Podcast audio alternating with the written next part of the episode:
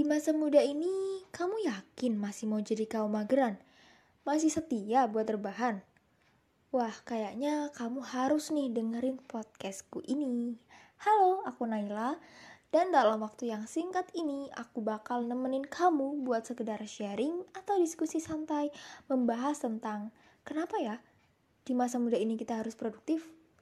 Ngomong-ngomong soal masa muda, aku punya quotes nih dari sosok yang merupakan role model aku dan aku yakin banget sosok ini jadi inspirasi banyak orang. Mungkin aja kamu. Ya benar, Mbak Najwa Sihab. Kamu pasti udah familiar kan sama Mbak Najwa? Beliau pernah berpesan bahwa sebagai generasi muda, hendaknya banyak bergerak untuk mewujudkan perubahan yang nyata bagi negeri ini.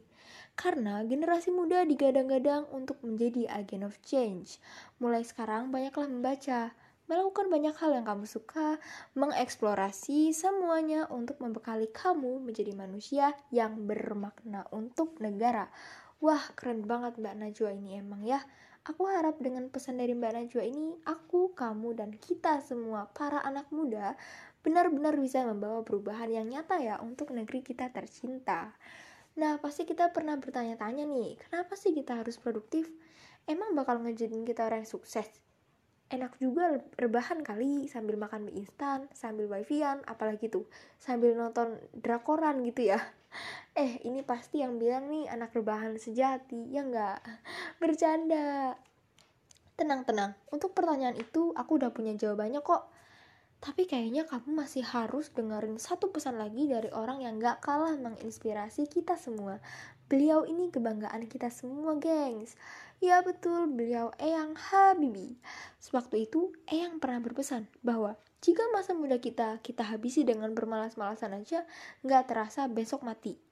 Tapi jika masa muda kita kita habisi dengan banyak analisis, banyak membaca, banyak mengeksplorasi banyak hal, maka masa tua kita akan menang.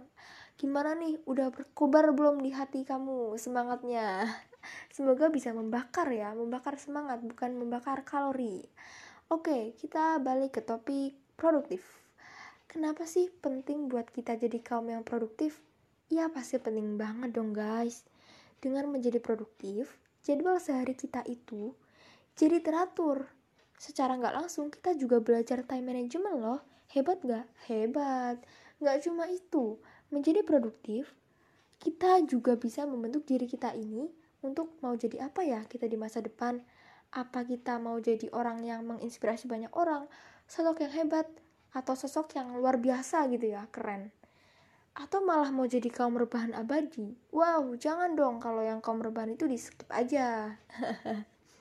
Um, ada nggak ya cara buat kita biar konsisten terus nih buat produktif di masa muda kini apalagi di masa pandemi ya kan?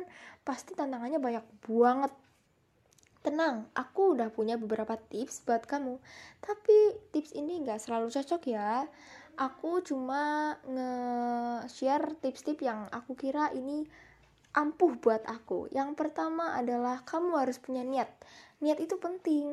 Niat yang kuat dan produktif. Niat yang kuat untuk produktif setiap harinya, maksud aku.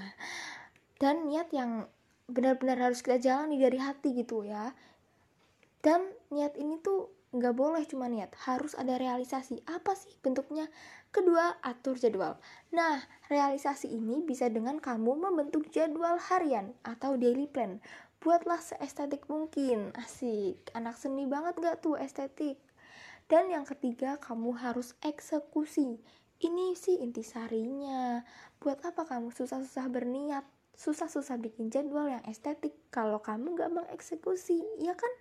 Eksekusi maksudnya adalah kamu tuh melakukan melakukan niat kamu itu loh. Niat dan jadwal. Melakukannya dengan sepenuh hati dengan dengan wujud gerakan. Dengan wujud ya aksimu tuh seperti apa itu adalah eksekusi.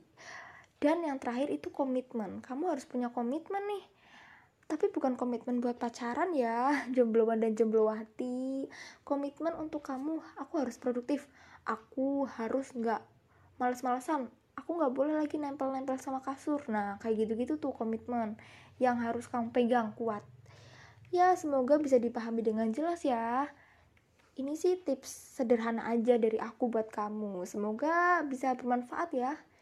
Tapi aku mau kasih lagi nih sesuatu yang gak kalah penting. Tentang hobi. Kamu misalkan punya hobi drakoran ya, nonton drama Korea, nonton film asing. Wah, keren kan? Kalau gabut nih, pasti para cewek-cewek gak pernah absen untuk nonton film Korea ya. nah, kamu tuh bisa ngerubah hobi kamu jadi sesuatu yang produktif, sesuatu yang bernilai manfaat buat dirimu. Misal, kamu suka nonton film Korea, kamu bisa pelajari bahasanya. Dengan mempelajari itu, kamu juga bisa menjadi orang yang selangkah lebih maju dari teman-temanmu. Keren gak? Ya keren banget. Tentunya hal ini juga harus kamu atur dengan jadwal-jadwal yang efektif ya. Misalnya mencatat bahasa-bahasa mana yang kamu mau pelajari, kosakata-kosakata mana yang sekiranya penting. Kemudian kamu berlatih agar bisa menjadi expert atau ahli di bahasa itu. Keren, aku bakal ancungin jempol 10, tapi sayangnya aku cuma punya nggak sampai 10. Kayaknya udah lama banget ya aku ngomong was was was di sini nih. Nyerocos mulu maklum anaknya emang suka gini nih suka cerita gitu. Ya gitulah kira-kira obrolan dari aku buat kamu yang udah mendengarkan sampai sejauh ini aku ucapkan makasih banget dan aku juga mau ngucapin makasih untuk panitia yang menyelenggarakan event ini dari Universitas Negeri Jakarta. Semoga dengan adanya event ini dapat membantu aku ya dan kami semua yang memiliki minat ketertarikan di bidang broadcasting untuk terus berkarya. Sebelum aku tutup, aku ada pantun nih. Sore-sore sepedaan, pulangnya membeli jajan. Terima kasih sudah mendengarkan. Sampai bertemu di lain kesempatan. Dadah, selamat beraktivitas kembali.